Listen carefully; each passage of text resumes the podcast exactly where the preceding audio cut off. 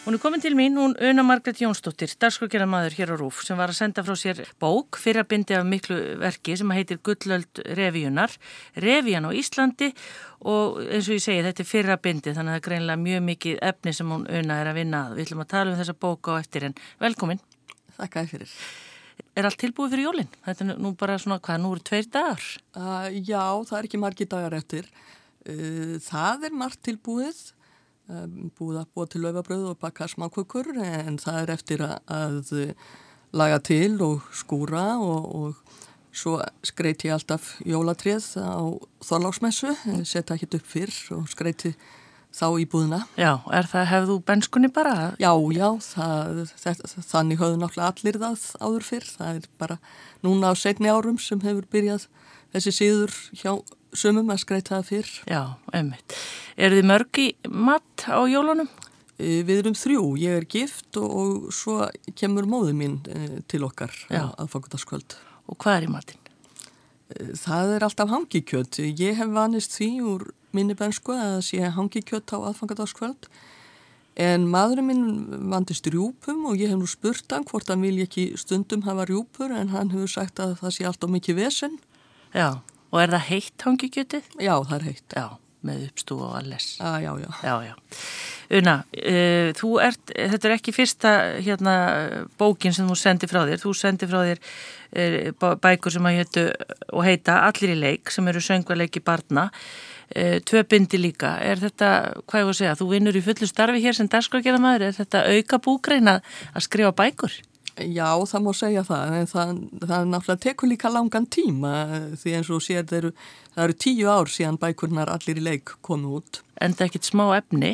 En ég hef stundum fengið styrk og, og tekið mér þá frí frá vinnu um tíma til Já. þess að komast áfram með bókina en svo hef ég verið að vinna á kvöldin og um helgar að þessu.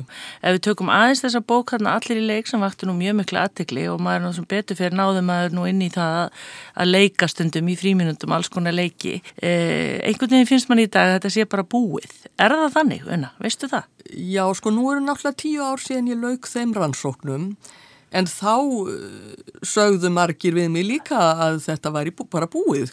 Krakkar kynna ekki lengur að leika sér nema bara í tölvuleikum. Já og það var dálítið skemmtilegt, ég notaði mikið enska, svolítið sem fyrirmynd, enska bókumleiki frá því kringum 1960 eftir hjón að nafni Pítur og Æjona Ópi og þau segja frá því formála þeirri bók að þá er verið að segja þetta sama við þau.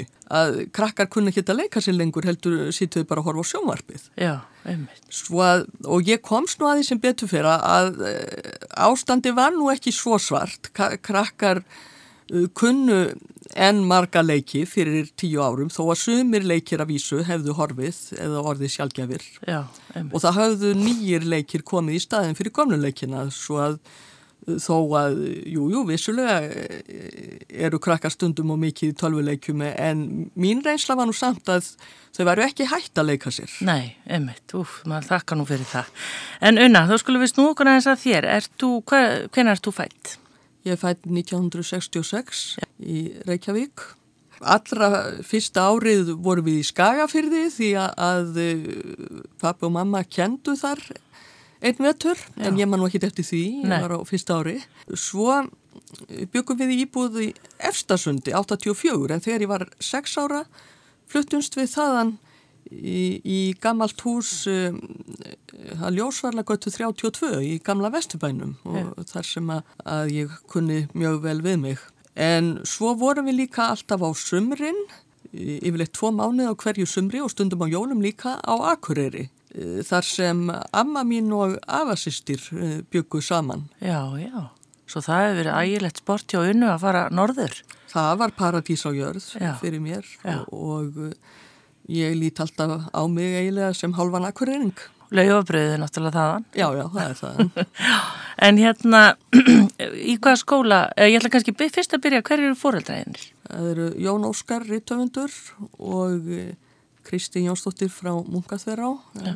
Eh, myndlistamæður og Mungaþverá er náttúrulega í eigafyrði, það koma norlensku ræturnar Já. og þessi amma mín og frænga, það er þetta er móður amma mín og, og um, þær áttu áður heima á, á munkaþrá.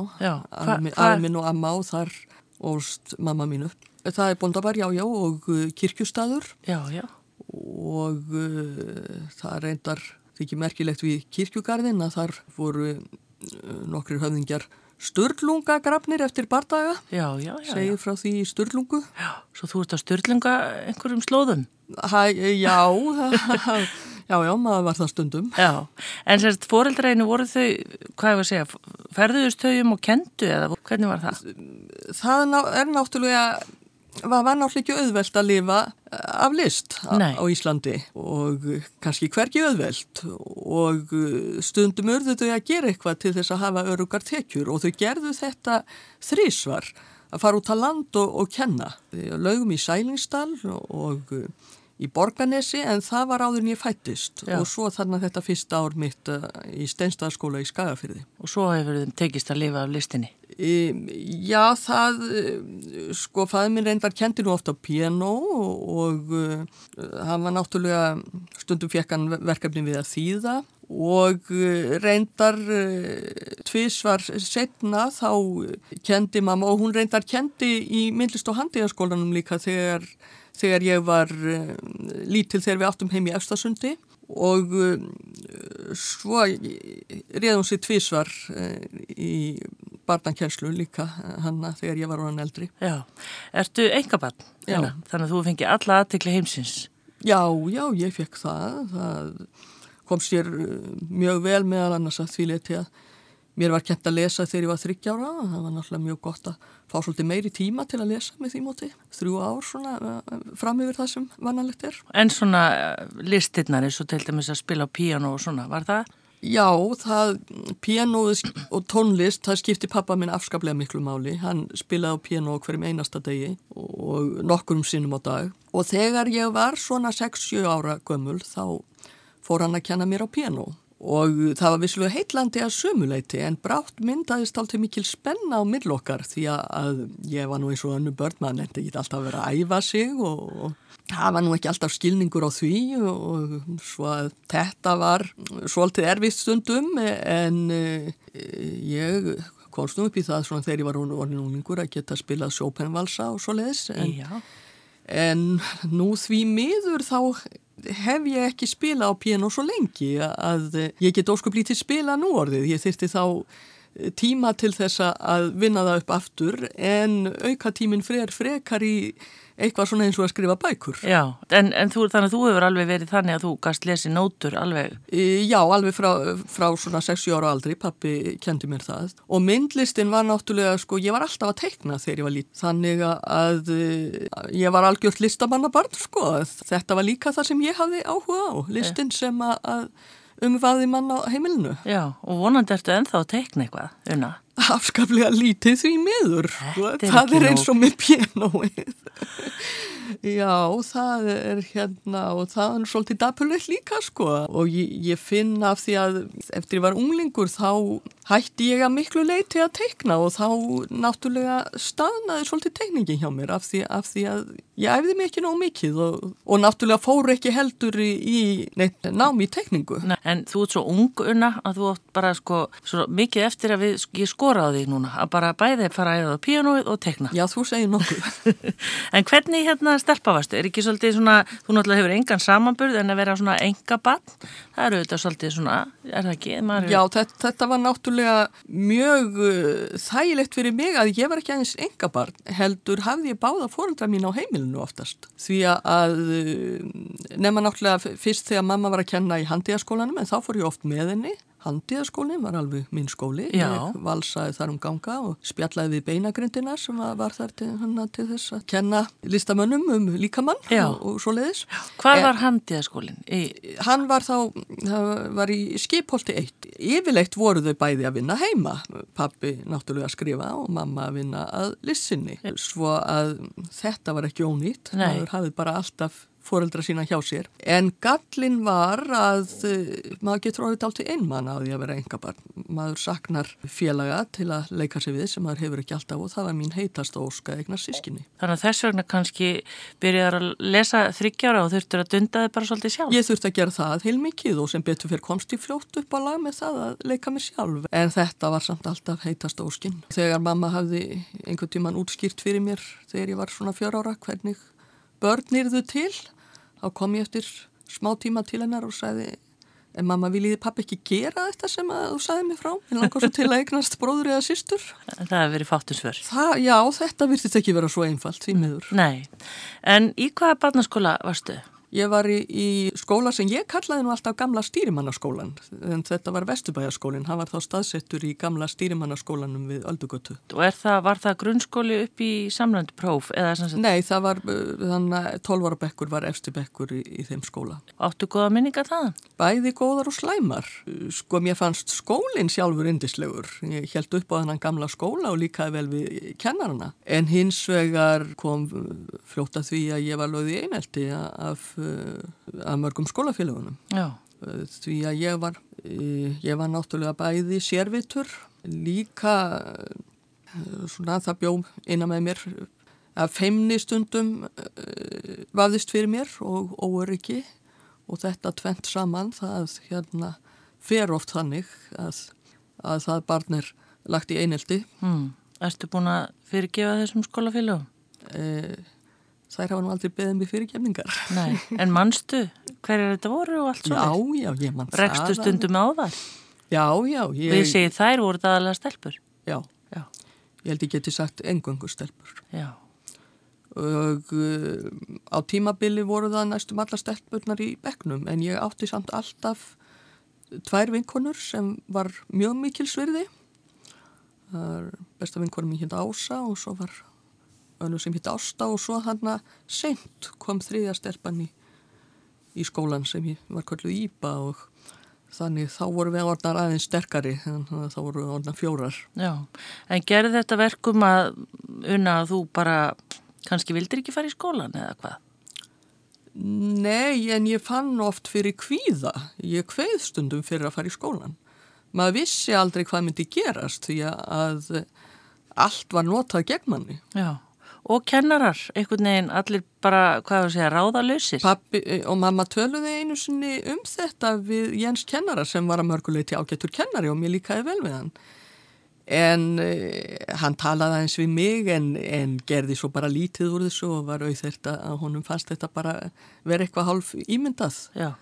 og ég veit svo sem ekki hvað hann hefði geta gert í þessar stelpur báru ekki nokkra viðingum fyrir honum. Nei, en þetta er náttúrulega bara kannski á þessum tíma af því að það var aldrei talað um þetta og það var bara ekki vitað og... Nei, nei, það var svo lítið talað um þetta á þessum tíma.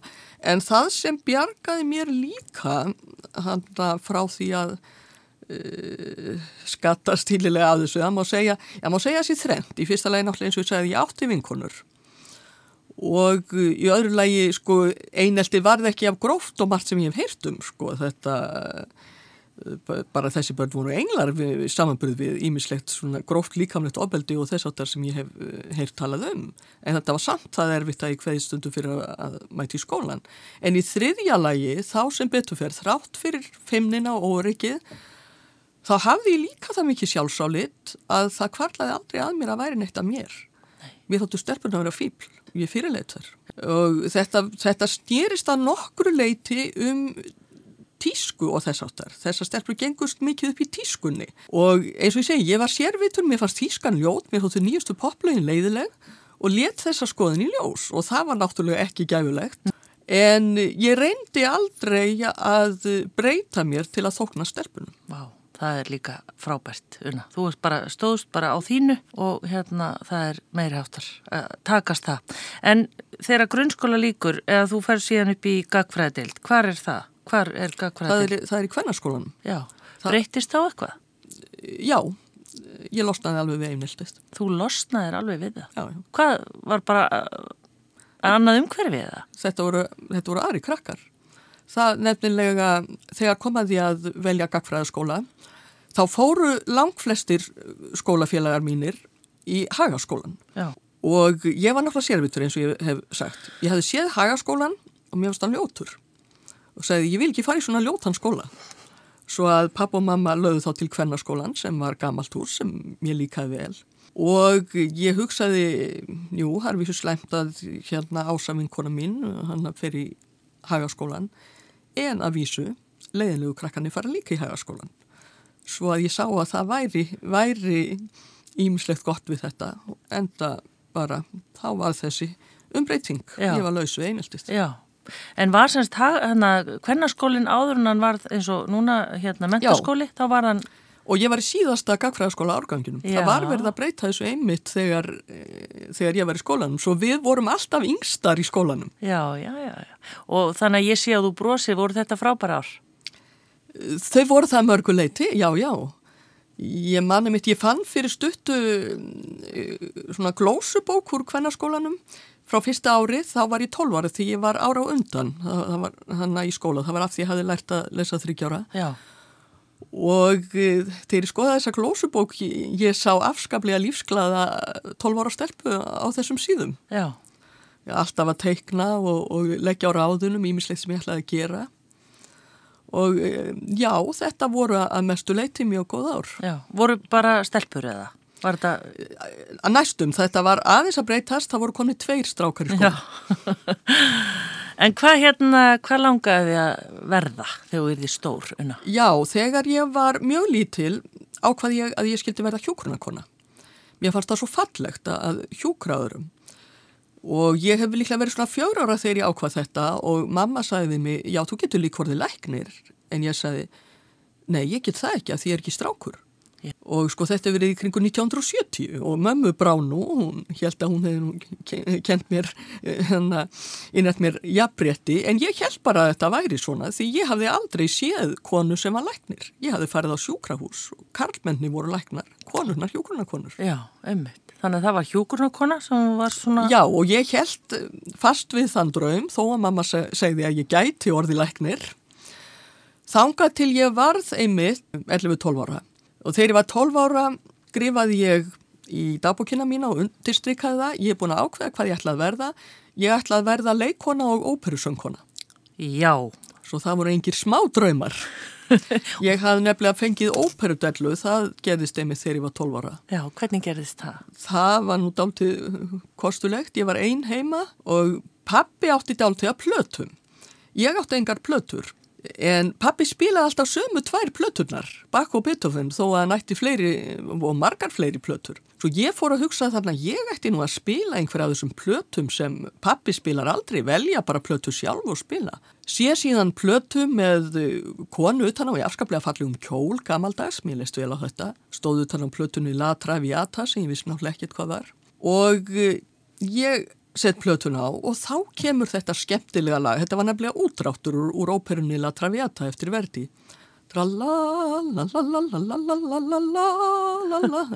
frægur drikkjusöngur úr óperunni og ég hugsaði þetta er fínt, þetta er skemmtilega plata. Nú á eftir þessu kom laung Arja sem ég fannst nú ekki alveg en skemmtilegu og svo komu duettar og fleira og já, mér fannst framhaldi nú kannski ekki alveg skemmtilegt en samt fyrst ég var búin að finna plötu það sem ég líkaði mist að kosti vel við fyrsta lagið, þá held ég mig við hanna og spilaði hana bara á hverjum degi. Og þá gerðist þetta merkilega að tónlistin fór að opnast fyrir mér. Og ég hafði vissulega valist, vanist náttúrulega klassíski tónlist sko að pappi spilaði á, á pianoð og svona eins og jújú, ég hafði gaman að tónlist en ég hafði ekki áður í rauninni uppgöðt hvað hvernig er hægt að njóta tónlistar og heillast af henni. Og það gerðist þarna og um leið áttaði ég mig á því að það er ótt þannig með klassiska tónlist að, uh, að maður opnast ekki fyrir henni strax og því að eftir nokkuð tíma þá voru mér farnar að þykja arjurnar og duettanir sem ég þóttu leiðinlega fyrst, þá var mér farnar að finnast það fallegra en fyrsta skemmtilega lægið þó mér þætti svo sem vænt um það líka. Já, þannig að þú er bara svona þjálfaði svolítið upp í þessu. Já, þetta, þetta gerðist bara ég uppgötvaði nýjan heim og fekk óperudellu Og fórstu bara að kaupa þér plötur eða? Þegar ég gat, já, og, og óska mér að fá óperur og, og papp og mamma alveg, já, já, þeim leist ágætlega á þetta. Þau stuðlu að því að mér var gefin plata með Brúkupi Fíkarós, þannig að þessi sömu jól já, og, og, og gaf mér líka í ammælisgjöf og í fermingargjöf, ég fikk óperu í fermingargjöf, óperu og hérna og bókahillu. Og þetta er náttúrulega á þeim tíma unna að það er ekkert byrjað að neinar óperur, að sína neinar óperur á Íslandi eða hvað? Valla, en það, íslenska óperan er að fæðast einmitt á þessum tíma. Já. Það er 1978, eða, þetta, er, þetta gerist 1978 og það er 1979 eða 80 sem íslenska óperan sínir í Pagliacci í Háskóla Bíói og ég fór náttúrulega að sjá það. Já, vá, unna hefur alveg ljómað hann. já, já, og, og svo gerist það 1982, en ég mann rétt, að Íslenska óperan eignast þetta húsnæði, Gamla Bíó og það hefst þar þetta mikla eventýri. Já, einmitt. En unna, þú ætlaðir, þú hafðir hennar draum að verða óperusöngkona og Og leikona, og leikona. leiklist hafði alltaf heilað mér mikið. Já, og hvað gæstu þá ákveðið að gera eftir, eftir að þú kláraði grunnskólan? Já, ég fór í mentaskóla, það hefði náttúrulega alltaf staðið til. Já, og í hvað mentaskóla? Ég fór í mentaskólan í Reykjavík sem var náttúrulega rétti mentaskólinn fyrir mig, eldgammal, fullt af gönnum hefðum og svo leiðis og ég var mjög ánað þar. Og áttu hérna, en þá umgengst vini sem að kynntist þar eða? Já, ég á enn nokkra vini þaðan. Mm. Varst í máladelt? Ég var í fornmála deild eitt.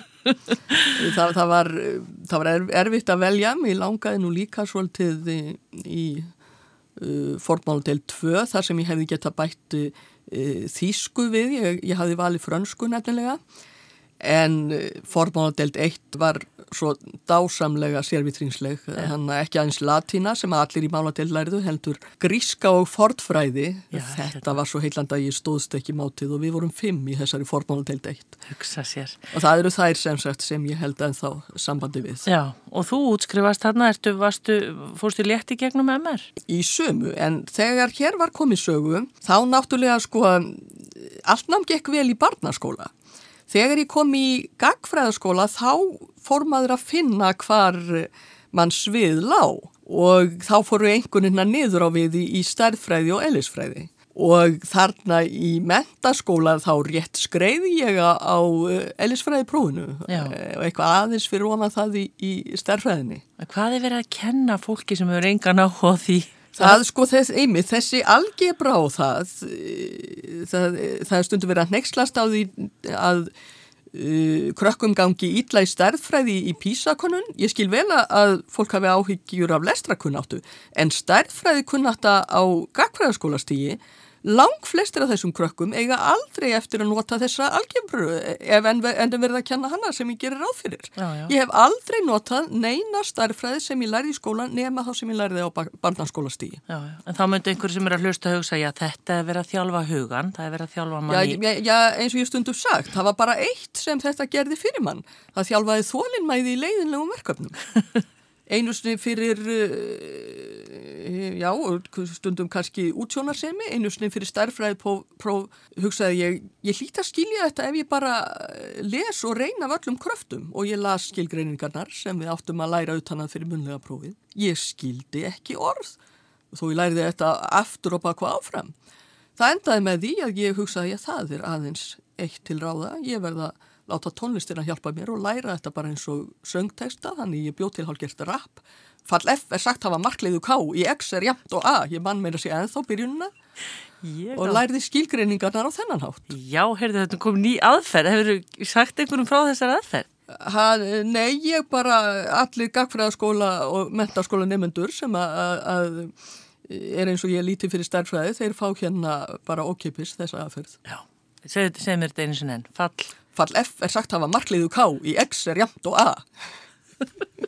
þetta er stórkvæmst. Þú sé hvað hann hefur virkað, ég mann byrjunna þá. Já, einmitt. En stúdinsprófið var í höfn.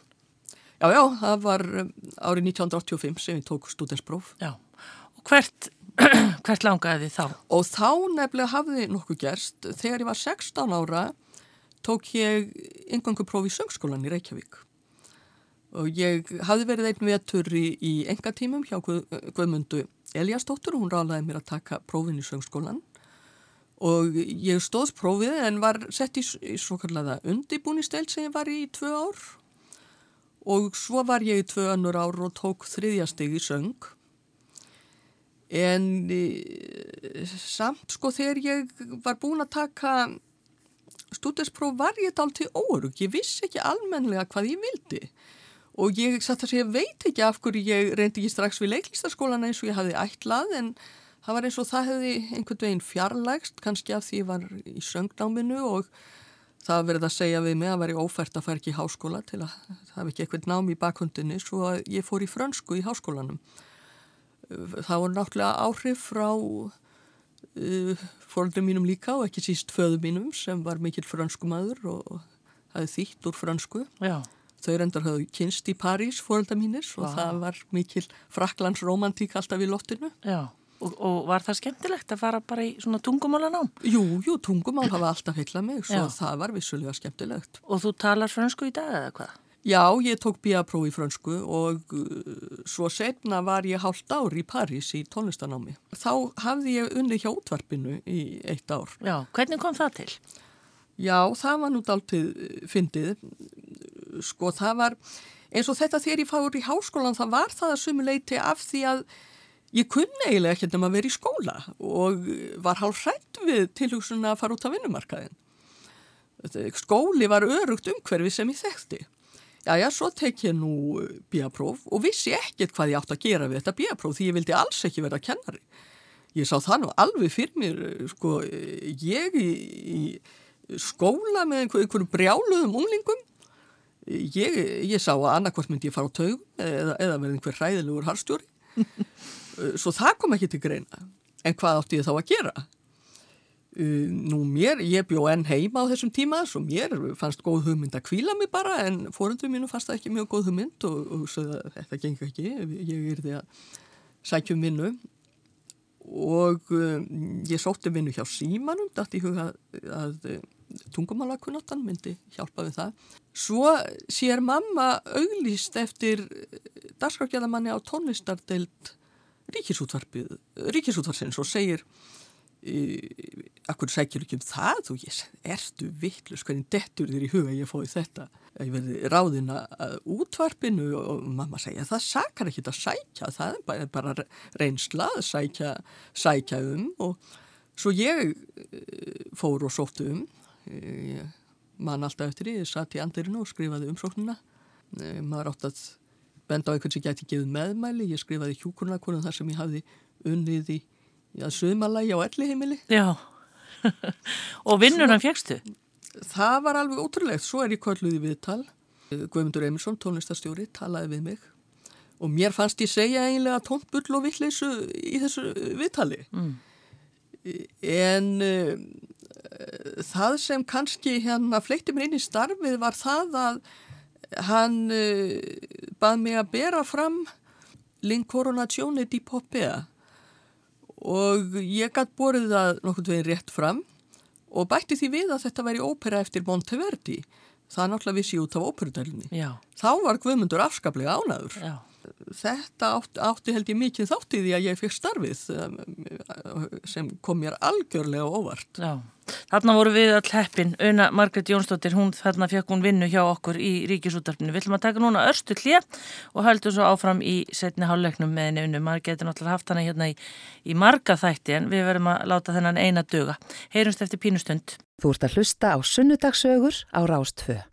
Hún er gestur minn hún Una Margret Jónsdóttir, dagskrokkerðamæður og rítufundur og uh, Una, við vorum komin að því þegar þú hérna landar starfinu eins og sagtir hjá Ríkisútarspinu. Guðmundur Emilsson, hann sér hæfileikana þarna og við erum heppið þannig að þetta er alveg svolítið mörg ár sem þú er búin að starfa hér. Já, þau verða 30 á næsta ári. Ótrúlegt, þetta er liðið bara eins og örskott. Fóstu þá hingað inn og hefur í rauninni starfa hérna úsliti síðan? Næstum, en þegar ég var búin að starfa hérna í ár þá ákvað ég að framkama það sem ég hafði alltaf langað til að gera, að búa um tíma í útlöndum, helst í Fraklandi og stundan ám þar. Mér langaði mest til að vera í París, ég hafði smittast af Parísar áhuga föðumins. Svo ég sagði upp og uh, fór til Fraklands og ég byrjaði á miðjum vetri um áramótin. Ég var komið með B.A.prófi í frönsku. Já. Ég byrjaði í tónlistanámi. Ég hugsaði ef ég starfaði nú kannski aftur síðan sem dagsfakjálamadur þá var ég gott að kunna meira í tónlistarsögu. Svo ég uh, fór í skóla sem heitir Skóla Kantorum í, í París að maður mátti alveg byrja þar á miðjum vetri og ég fór í tónlistarsögu og tónheirn og reyndar hesti líka upp á söngkunnáttuna. Og var þetta skemmtilegt? Var þetta semst hálft ár? Já, þetta var hálft ár. Ég hafði ætlað uh, að vera lengur en þetta, þetta var afskaplega skemmtilegt hálft ár en þegar sömari kom þá fann ég að þetta var í rauninni nóg. Já. Mér langaði ekkert til að vera lengur, mér langaði heim. Já. En gegstu þá að starfinniðinu hér? Ég bjóst náttúrulega ekki við því en ég hafði fengið að gera sko í vinna á þáttum í París sem var gert var ráð fyrir að ég tæki upp þegar ég kemi heim um sumarið því ég ætlaði alltaf að koma með skoðst um sumarið og þegar Guðmundur Emilsson sem enn var tónlistastjóri heyrir það að ég sé komin heim fyrir fullt og allt og, og ekki komin með neina vinnu þá réðan mig strax aftur Já. Og þú ert búin að gera alls konar þætti hérna. Þú ert í rauninni, ert bara, tilur þið ekki vera bara svolítið hefna. Þú er svolítið fengið að gera það sem þú bara haft áhuga á að gera. heldur betur. Það reyndar þegar ég, þegar ég var 12 ára og tók þessa ákvörðun um að verða leikona og óperusöngkona, þá sagði ég við ásum vinkonu mína að já, nú var ég búin að ákveða hvað ég ætlaði að verða, ég ætlaði að verða þetta. Ef ég gæti það ekki, ætlaði ég að verða myndlistamöður. Ef ég gæti það ekki, ætlaði ég að verða rittöfundur og ef ég gæti það ekki, ætlaði ég að verða hæfileikalaus listakona. Og það má segja, ég hafi á endan morðið hæfileikalaus listakona og, og lendi í, því starfi þar sem ég gæti í rauninni sameinað áhugan á öllum þessum listformum.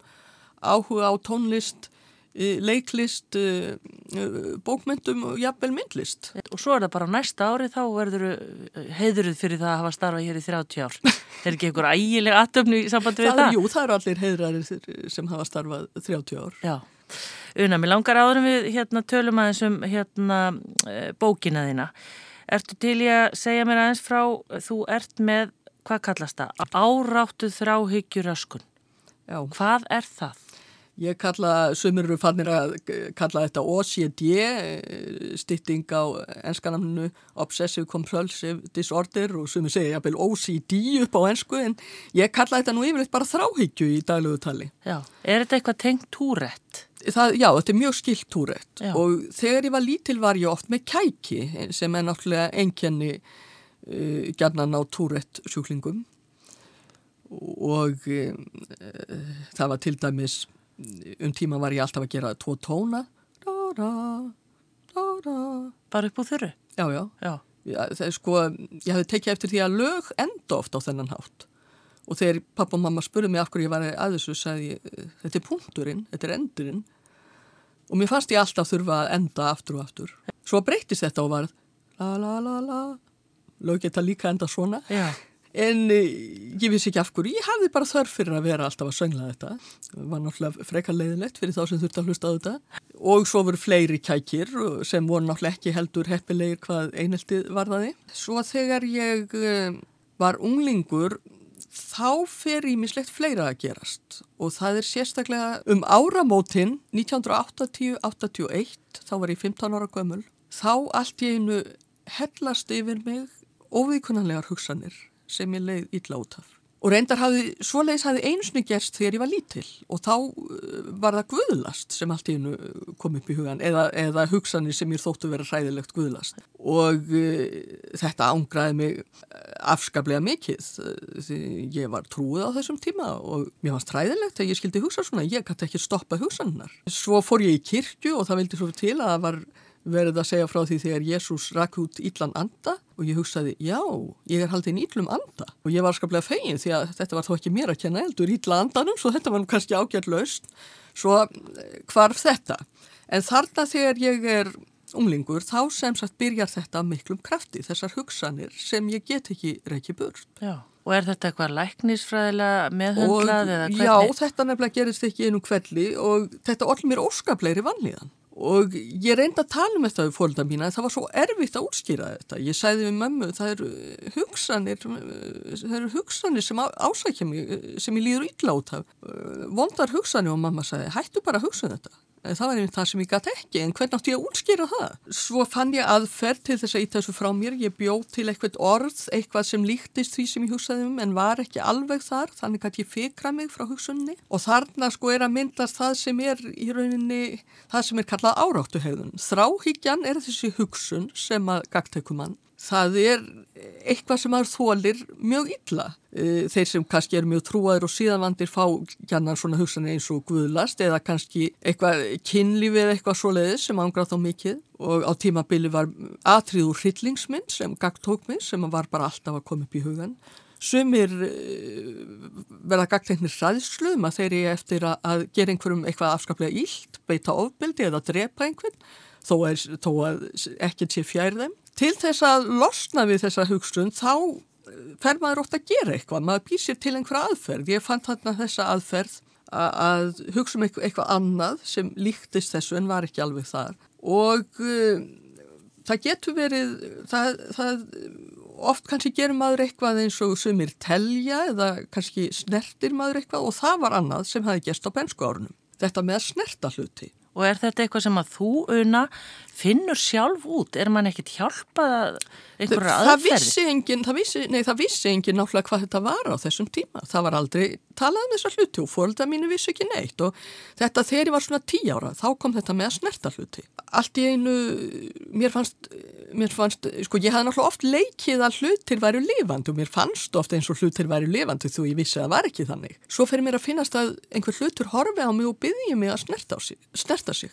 í snerti hlutin þá horfir annar hlutur á mig og býðir mig að snerta sig. Og svo er þetta þannig stundum að ég geng bara ring eftir ring í stofunni að snerta hluti. Já. og ég hugsaði, en nú ætlum ég bara að snerta þennan og svo ekki meir. En eftir stund þá þóldi ég ekki hvernig næsti hlutur horfið á mig. Auðvitað var ekki alltaf svona en það kom hvað eftir annar svona tímabil. Pappa og mamma náttúrulega skildi ekki neitt og sögðu hættu þessu bara. Og ég gæti ekki útskýrt að ég bara gæti það ekki. En hvenar fegstu þá að vita að þetta væri þetta? Ekki fyrir ég var tvítug og þetta þá, sko, eins og ég segi, þetta fer að verða slemt, sko, þegar ég er 15 ára og ég er, kemur síðan mikið í kviðum, hann að næstu ár og það ber dál til, dál til skugga af þessu síðast árið í Kvennó og, og árinni í, í mentaskóla. Já. Svo, annað, sko, ég fór að verða viðkvam í augunum, mjög viðkvam fyrir byrtu og þreytist fljótt við lestur, þetta hefur kannski verið einhver tegunda höfuverk og, en ég hættum ég hafi magnað þetta upp sko út af þráhyggjunni, þetta hafi magnast enn meira upp fyrir mér þess vegna. Og þegar ég var, það var sumari sem ég var tvítug, mér hefur aldrei fundist ég verða jafn gömul og þá, það er svo miklar áhyggjur að ég verða svona hræðilega gömul, þá fer ég að vinna á skrifstofu í sömarvinnu og mér fannst þetta svo erfitt, uh, svo hræðilega erfitt, ég var nýbúin í erfiðum prófum í, í háskólanum og mér fannst ég bara alltaf vera með höfverk. Að lokum hætti í vinnunni en mér fannst ég samt alltaf vera með höfverk og, og þetta var hræðilegt ástand. Þá fór ég til uh, taugalæknis og um, hann segði að við getum náttúrulega að skoða höfuð, taka myndir af því en eftir, eftir ég hafi líst þessu fyrir honum sagði hann en mig grunar að þetta sé andlegt og kannski verið best fyrir það að fara til geðlæknis. Hann síðan eftir, eftir þessar rannsóknir á höfðinu segir hann að það sé ekkert á höfðinu og hann ráðlegi mér að fara til geðlæknis og þetta hans mér nú góður brandari. Ég var að hugsa um hann að ég fór skömmu senna í, í bóð til vinkvenna minna og var að hugsa um að lappa inn og segja hafið hirt að nýjast að ég er honum geðsjúklingur. Já, emitt.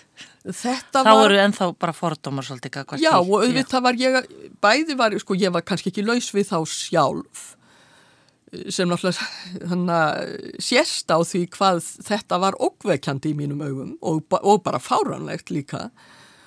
Og náttúrulega samfélagið var náttúrulega alls ekki laus við, laust við slíka fordóma og þess vegna líka á endanum sæði ekki neitt. Jafnvel sæði þetta ekki svona í gríni því að ég ákvaða að halda þessu leindu og ég ætlaði náttúrulega ekki að fara til gelatins, mér fannst þetta vittleisa. Svo líður þetta hræðilegasta sumar sem ég nokkuð tíma lifað og ég er alltaf með höfverk og ég fer að hugsa, býðu nú við, hvernig var með þetta þegar ég var alltaf að snerta hluti og svo þessar hugsanir sem það var sótt á mig og þetta og þetta og, ég hafði alltaf kallað þetta meinlokkur eitthvað svo leiðis. Ætti ég kannski að tala við gelatni, hugsaði ég um hausti loksins þá rjáttlæðist þessi höfuverkur að mér. Mér fór að líða eh, betur en eh, var afskaplega svona, fann að ég var afskaplega viðkvæm svona en þá og fer til kjæleiknis. Hann sagði þetta er skólarbókar dæmi um þráhyggju. Ég hef sjaldan heyrt svona dæmigert, hana, svona afskaplega dæmigerða lýsingu á, á uh, þráhyggju, áráttu og þráhyggju. Og um, hann ætlaði að setja mig á liv Anna Franil sem ég ætlaði að fara á. En fórölda mínu voru mjög hrættir við aukaverkanirnar af þessu lifi og þannig að það varð úr að ég hætti við það. Fór ekki á þetta liv og, og svo gerði ég nú ekkit fyrir en eftir ár þá kom þessi þráhyggja með hryllingsatriðið og kom bara, það var bara lítið betra ástanda þegar ég var með höfverkin, það var svo leiðis vanlíðan. Það er ótrúlegt hvað þetta veldur hræðilegri vanlíðan. Og ég, ég var að reyna að komast yfir þetta, ég hugsaði hvað gengur að mér, af hverju læti þetta, af hverju læti þetta eðilegja fyrir mér lífið, ég er, ég er ung og líkamlega hraust og, og allt ætti að vera í lukkuna velstandi, það, nú, nú bara íti þessu frá mér og, en ég gæti það ekki, Nei. Ég gæti ekki losnað við þessa vanlegan fyrir en eftir þá nokkuð tíma og svo fór ég af því að fórölda mínu voru svo mikið á móti þess svona livjameðferð þá fór ég að lokum í samtalsmeðferð til annarskeilæknis Páls Áskeirssonar og var hjá honum í samtalsmeðferð í mörg ár. Prófaði reynda líka önnu liv og, og uh, þetta sem sett sjúkdómurinn er greindur þegar ég er, þegar ég er tvítug. Já. Í dag ertu, tekur þú liv í daguna? Já, það fór þannig að lokum og það eru líklega, já það var vist ári eftir að ég gifti mig, það hefur verið í kringum árið 2000, þá fekk ég mjög slemt kast. Svo slemt að ég varð, um, varð að gera hljá vinnu um tíma og uh, fór þá til, við, ég fór þá til þriðja geðlæknisins. Við ákvaðum að ég skildi nú eftir allt saman prófa anafranil, þetta liv sem að manni hafði staðið svolítið til ógnaf af því að það geta verið það geta verið slæmar aukaverkanir. En ennáttúrulega ekki sjálfsagt að það sé og fyrst fannst mér ekkert ganga.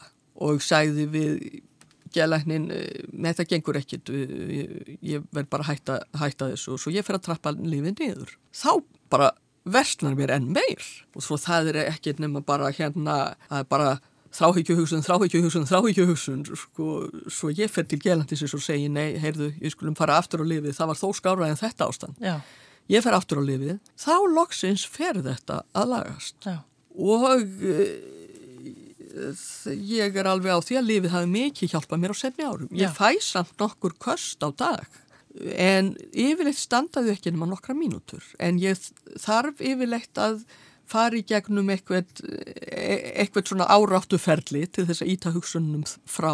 Yfirleitt þarf ég að segja orð og e, ganga yfir þröskulda oft og stundum ef hugsun sækir á mig þá rekkur upp um mér eitthvað orð. Um tíma var það nafn Jónas eða Lukas, nöfn sem mert ekki neitt en það eru þau bara til að íta þráhyggjunni frá. Það er svona, þetta einhvern veginn, þetta myndast bara ósjálf þessi síður en þetta, það er kannski að, af því að þetta tekur svolítið aðtiklimanns þegar maður er að segja orð, Já. þá fyrir aðtiklinn frá þráhyggjugsunni, ég hugsa sé það. Já. Una Margret Jónsdóttir, takk fyrir að útskýra þetta fyrir okkur af því að ég held að heldur það sé ekki mikilvægt að tala um þetta. Tvímæla löst og, og ég er, það er mjög gott, þetta er náttúrulega allt annað núna en var. Já. Eins og ég segi, fóldra mín gátt ekki vita hvað þetta var því að það var aldrei talað um þetta, Nei. aldrei. Og það var svo lít, lítið vitað um svona sjúkdóma. Maður, maður sá geðsjúklinga fyrir sér sem að sem fólk bara í einhver, einhverju æðiskasti að ráðast á einhvern Já. sem voru náttúrulega bara, var náttúrulega bara fáfræði og fordumar hjá manni sjálfum. En það má segja að það eina góða við eh, að eh, kynast þeirri vanlíðan sem svona sjúkdómur hefur í förmið sér. Já, það er það bæði að maður skilur betur eh, vanlíðan annara sem, sem glýma við andlega erfileika og líka það að maður kann þá betur að meta það þegar maður er ekki haldið þessu því að sko, eins og ég segi stundum fyrir mig bara himnaríki er að vera ekki í þráhyggjukasti. Já. Svo að ég er oftast í himnaríki núna, má segja. Já, emmitt. Una, við ætlum að tala síðustu mínutunar af því að það styttist í annan endan henni á okkur um nýju bókina þeina sem Já. er Revían á Íslandi. Bara, ef við bara útskýrið fyrir okkur, hvað er Revíja? Já, Revia er gamanleikrit sem fjallar um samtíman. Jafnvel þannig að það eru oft nafngreindir eh, einhverjir tektir menn, stjórnmálamenn eða einhverjir sem gert er grínað og yfirleitt eru söngvar í leikritum af þessu tægi. Erum við að búa til svona í dag?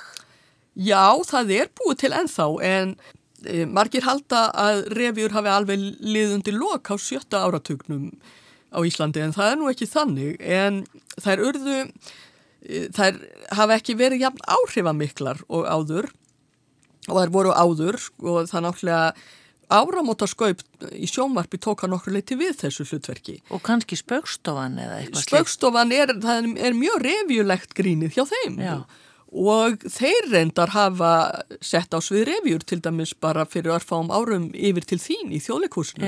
Það var í rauninni revja en það var ekki kallað revja. Þegar revjur eru settar á svið í, í Reykjavík nú orðið þá eru það yfirleitt ekki kallaða revjur, kannski finnst reykvíkingum þetta gamaldags en út á landi þá þóra menn frekar að kallaða revjur. Já, en í þessum bókuðinum, ert, ert þú að skoða bara sögu, bara tekur fyrir alla revju sem hafa verið síndar og samdar á Íslandi eða hvað? Uh, já, í raunni. Já. Uh, nema svona allra minnstu smárefjur uh, fyrir, uh, fyrir félög. Það er náttúrulega ekki hægt að fara kannski alveg út í allt svoleiðis revjur á stúkufundum eða eitthvað svoleiðis. Nei. En hvar fa- fannstu, ég meina, var, var svona mikið til um þetta hvernig þetta lítur að vera búið að vera ótrúlegt grús? Já, ég hef haft áhuga á revjum frá því ég var svona, svona 10, 11, 12 ára. Já, það er revjur og óperur hjá unnu. Já, já, það, já, já, ekki vant að sérviskuna. Það, ég sá skemmtilegan sjónvarsþátt þá sem Guðrún Ásmundsdóttir gerði um gömlu revjurnar. Já. 1976, ég hafði ekkit vita að væri neitt til sem héttu revjur en þarna voru sínt atriði úr einni revjunum, ég fannst þetta alveg dásamlegt Já, svo gaf pappi mér eina af gömlu revjunum í bók forðan digðir og þó það væru einhverjar eldgamlir brandarar þannig um, stjórnmálamenn sem engið, engið þekkt á þessum tíma þannig náttúrulega þegar uh, þannig 1977-8 þá eða ekki ég að mista kosti, þá fannst mér þetta samt fyndið já, einmitt. og, uh, Og lögin, er þetta bara svona mismunandi og lögurrefjum verða oft vinsæl það, delir í um búbónis, mann dettu það nú bara fyrst í já, hug sko sumir það er ekki það er ekki allir ásáttur um það hvort það er að kalla strefja Nei, sumir eru harðir á því að það sé refja aðrir ekki. Jónas Árnason skilgrindi það ekki sem refju en hins vegar annað leikrit þeirra eh, bræðra eh, rjúkandi ráð já, skilgrindi það sem refju svo að þetta er svolítið á gráu svæði. Já. En, en, En- til dæmis bara lögin öll og textatnir, eru Það- þeir, er það allt til? Margt af því er til.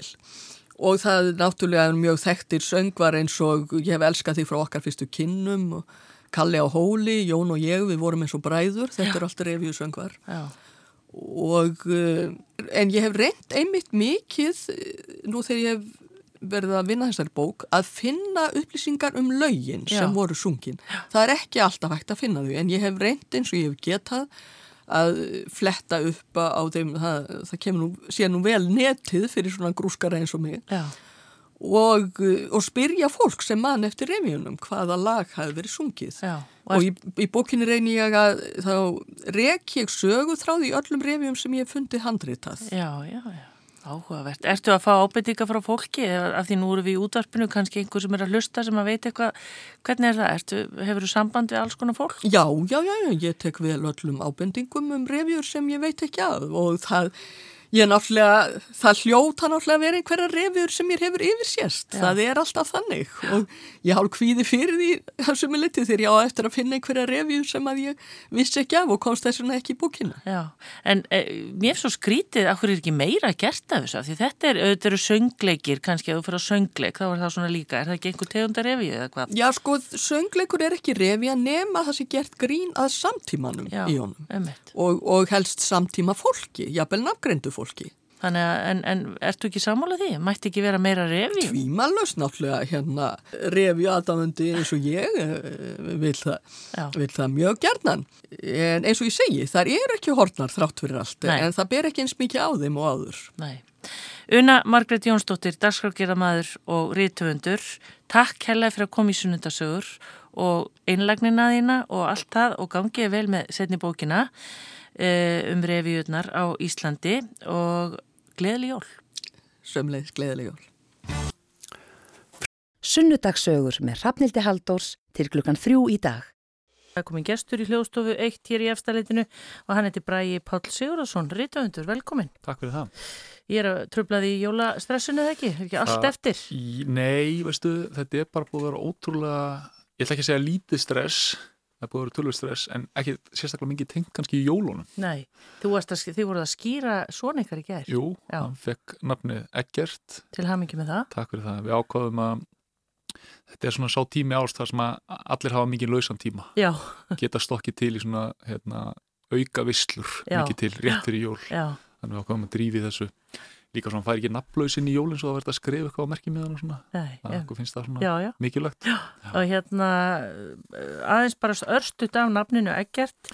Það var, það var, hérna, það var uh, ástæði fyrir því að hann var skýður Eggert. Já, sko ég áfum að tilkynna hérna, uh, Bergþóru basmóðminni og samfélagskonu að hérna, ég væri með tvö nöfn í huga. Þegar áðurum við fyrir nokkur mann að tala um að eigna spöld og ef ég myndi eigna stelpu þá áttum hann að heita Fjara og ef það væri strákur þá ætti hann að heita Uggi. Já. og þetta eru svolítið þau eru svona eitthvað mikið langt út fyrir ramman þessi tvö nöfn. Og hérna hún hefur mjög mjúkar hendur og henni hefur tekist að stýra mig, mér inn á hérna eitthvað svona eðlegri formfastari brautir. Já. og við vorum á leiðinni í Snemsónar uh, til þess að láta kíkja þennan strák þegar hún var gengið sjö vikur. Og hún, uh, Bergþóra, er í, í kápu sem hún hefur kift í hérna, nýttjamarkaði fer þar ofan í vasan og uppur hún kemur miði, stendur á ekkert og henni finnst þetta eitthvað frekar fint og segir þarna, heyrðu, ef, ef þetta er strákur þá verður það að skýra hann ekkert og það er í rauninni engin ekkert í minni fjölskyldu sko. Og ég bara segi já já við sko bara skoðum þetta og eitthvað svona.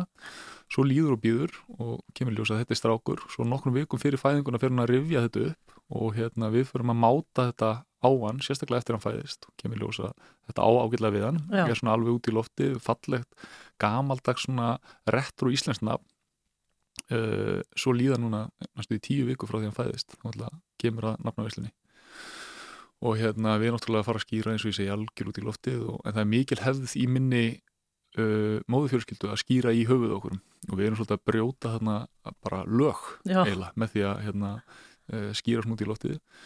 Uh, tilkynum það að hann er að heita Eggert og kemur ljósa amma mín sem heitir Edda uh, Henriksdóttir er skýrð í höfuðið á manni sem að hétta Eggert og að kallaður Eddi.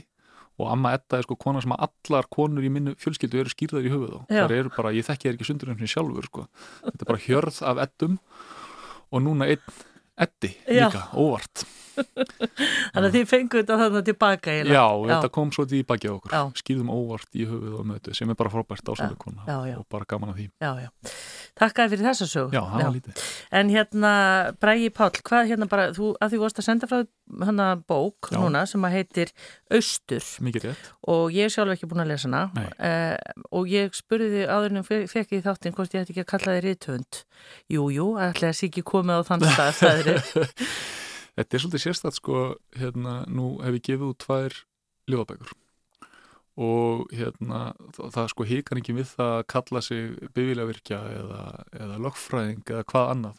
En ég á mjög lengi að leifa sjálfur mér að kalla mig sko skáld. Já, þráttur að hafa verið að skrifa ljóð í mörg ár og gefa út þessar ljóðabækur að mér finnst það svo stórt upp í sér tekið sko. en, uh, en núna þegar það komið út líka skáldsaga þá held ég að maður verði bara að fara að taka því Já. þessum titli já, og, og leiða fólki að, að nota hann á mig já. Heyrum aðeins betur af bókinniðinu eftir en hvaðan hérna, hvar líka þínar rættur? ég, ég er uh, ég er svona uh, hálft í hvoru holmari og mósvellingur fættur í stikkrunum 84 Já, þeim fallega stað. mjög einum þeim fallegasta Já. og hérna það sem að uh, fóldar mínu fluttu, þau eru sko fætt bæði í Borganissi, kynnast þar í leikfélaginu. Já, pappi hafði svona mjög mikla þráiki fyrir því að hann yrði að vera sjómaður og fara á sjó í stikkislunni og hérna mínar sko hans rætur liggja út í breyðafjörð og móður hans er fætt og elliði og breyðafjörði og hann er alveg uppið svona eiga rómans uh, mikinn. Og þetta tóði það mikið í hann að hann hérna, flutti með uh, unga eigingonu sína í Stikkirsólum og eignast þar með henni lítinn strák. Já, Nú fjórum árum setna skilja leiðir og mamma fer í, í bæinn með mig og við flytjum inn í, í Mosó sem var þá Mosel Sveit Já. við erum að tala um sko 88 Já. þetta er þegar það búa svona 700-800 manns þarna í kringum Álafoss og, og rétt svo í kringum varmáskóla já, og hérna mjög afskekt og það er bara malavegu sem líkur til Reykjavíkur og hann er ekki eins og upplýstur nú talar eins og þú sett 150 ára. þetta er svo gaman þegar maður er bara sko á færtusaldri og, Já. og hérna er að Þú tala tvættur 80 og 84 84, já. og hérna uh, við flytjum hana upp í Mósursveit uh, þar sem að mamma mín tekur síðan saman við uh, Helga Sigursson dýralegni og þar í rauninni slíti ég restinni af batskónum sko Já, já, já. Fer í varmáskóla þarna og, og er í lúðrasveitinni og skátunum og, og bara svona nokkuð eðlegt bann. Já, emmitt. Og er ekki bara uh, góða minningar að Bara vera svona algjörlega. halgir í sveit? Ég bara, það slakna mér axlirnar um kemur upp í Mosú. Já. Það er bara ótrúlegt. Já, Það er ykkur mjög góður andið þarna yfir þessum bæ. En það hefur hann sko ítrekkað verið valinn, eða ekki valinn, en íbúar hans eh, ánaðustu og glöðustu íbúar Íslands. já, hugsaði þér. En hérna, Bræði, áttu þá sagt, einhverja benskuminningar valla úr, stikkisólmi eða hvað? Já, sko, uh, jú, jú, þegar maður er fjörura, þá er nú eitthvað búið að mótast, sko. Já. Og hérna, ég hef alltaf haldið ákveðnum kontakt við Stikkislóm, náttúrulega pappi hefur búið þarna og ég farið mikið í Stikkislóm og verið, verið að sérstaklega á sömurinn og verið með honum á sjó og haldið þannig sambandi við mína svona æskufélaga og, og gamlu leikskóla bræður og systur. Já, já, já. En hérna, uh, þær minningar eru náttúrulega mjög brotakendar, uh, eðlumálsið sangant. Já, ég maður held ég mun ekki neitt frá því ég var fjórara, mér kallaði góðan bara. Já, ein, sko, eina, ein sterkasta minningi mín er þegar ég er einmitt fjörur gammal og hérna, ég er út að leika með uh, félögum mínum Elínu, Rögnu og Jóni Magnúsi og Elín var sko ung komið með glerugu og hérna, við erum að fýblast einhverstað bak við, bak við húsið mitt og hérna, Elín týnir glerugunum sínum Mm. og hérna, þetta er náttúrulega ekki grín á þessum tíma, þetta eru mjög þykbótna gleru og, og hérna, hún skammar sín svo mikið að hún hérna, kennir mér um að hafa týnt glerugum sínum Já, og hérna, þetta setur svo í mér sko. og í alveg sko 20 ár Já. þá er ég bara frekar gramur út í vinkunum mína hana Elinu fyrir að hafa klínt þess á mig þegar ég var skammaður og, og þetta skilur var já, uh, stórmál með fyrir, eh, fyrir fjórarstrák herðu, 20 ára setna þá hérna, erum við á bar, ég og Elín og hún kemur upp mér og kvíslar að mér Bræi, það varst sko alls ekki þú sem týndi glerugunum mínum. Og ég sagði, veistu það Elín, ég veit það. Þetta hef ég vitað öll þessi ár það varst bara, þú, þú lögst þessu upp á mig. Já, þannig að þið eru búin að fallast í faðma. já, já, við erum búin að sættast Já, Og já. hérna, En hérna, þegar að pappiðin er sjómaður, ferð þú ungur bara með honum út á haf? Já, sko, það hefur verið venja við breðafjörð og sér maður líka bara í, í sögubókunum að svona 8 ára gamli, 7-8 ára fara strákar að fara á sjó og ég er 8 ára þegar ég fyrir að róa með pappa á sömurinn. Það er bara trilla, eða? Já, Já. hann er á, á trillu þá sem að einmitt langaði minn uh, smíðaði og uh, pappi uh, útbjóð til þess að geta farið að stunda veiðar á Já, og já, 8 ára gammal er ég dregin hann á skakið með honum og á línu og hérna hann sko ætlaði í rauninni að sína mér þennan rómas við, við sjóin uh, þetta, þetta frjálsa líf að vera sinn eigin herra fyrir opnu hafi, allt þetta. Og eitthvað mistóðs þetta þannig að ég tilkynna honum bara hann í fyrstu ferð að ég ætli ekki að vera sjómaður. Nei. þetta bara eigi ekki við mig. Uh, slór og, og hérna og blóð og, og kuldi og þetta bara þetta átti ekki við mig. Og hérna en eitthvað hefur samt setið eftir. Eins og ég, eins og ég segi, segi alltaf sótt í það að fara með honum á sjó. Og núna á síðustu árum hef ég heillast meira og meira því að vera allir á skútum Já. og sigla um heimsöðun já, og ert að hérna- byrja slíkt ævintýri? Já, flutti inn skútu núna í sumar frá Ítalju og fekk að mitt pappa og tvo félaga mína með að sigla henni frá Sigilei og hérna þá ert að fá sko bara það besta Já, bara þú ert að sigla, það er yfirleitt bara í góðu veðri og ekkert slór, nei, engi fiskur nema þú bara takir hann sjálfur inn í bátinn og til þess að steikja hann sko. já, og bara rétt á hennu tölum kannski eftir um það eftir en allar að siglinni semst hérðan, skútunni. Já sko, Ég er uh, í rauninu að undirbúa það að geta uh, verið með hana sem svona smá auka búgrein í ferðamannaðinanum að sigla með ferðafólk hérna kringu landið að reyna að fá fólkið af þjóðvögunum Já, og aðeins fylgjast með strandleikjunni og en skemmtilegt. En þetta er ekki, þetta er rafknúið eða, já, hún bara gengur fyrir seglum. já, Já, og ertu með, þetta er ekki, ég alltaf að hugsa hvernig er þetta hægt? Er ekki gríðarlega flókið verkefni? ja, þetta er ekkit mjög flókið. Er ekki? Þegar sko skútukalla segja þessi einfaldar að sigla skútu heldur en að kera bíl. Já, Því að þú þarftir inni bara að vita hvernig þú hagar seglum með það hvernig vindurinn er að koma á bátinn Já. og þá bara rennur hann áfram sko. já, Þetta er ekki mikið flóknar en það. Nei. Svo bara passa sig að, að strandunum ekki. En skemmtilegt verkefni, já. En Bræði, hvað hérna, varstu skólastrákur eða þú segist að vera í lúðrasveit, varstu í íþróttum og... Nei, sko ég veginn uh, náði aldrei almennilega að stimpla mig inn í íþróttir en ég var í lúðrasveitin og þar sæki ég mikið af mínum félagskap Mm. og hérna Hvað spilaður á? Ég spilaði á túbu Já, uh, túbu, risastóru túbuna. Já, risastóru túbuna, Ah. stærsta mannblóðstis hljófarið að þeim öllum Stekkur ekkert með, með það á milli húsa. Nei, þú ert bara með hana bundna við þig sko utan á þig. Já, og hérna, ég var í tíu ár í því. Já. Getur ennþá spilað? ah, ég var átján ára því ég hætti. Og hef ekki mikið tekið hann upp sko. Uh, þetta er svolítið hérna sko, túban var aldrei mitt hérna, drauma hljófari, Nei, það bara vantaði túbuleika og þetta er ekki vinsarasta hljófarið til þess að spila á nei. Fólk sæki meira í sóluhljófarin trompet, uh, þverflötu eitthvað sem að heyri svolítið hátt og kveld í. Já, þannig að túban er hann í bakgrunni sko.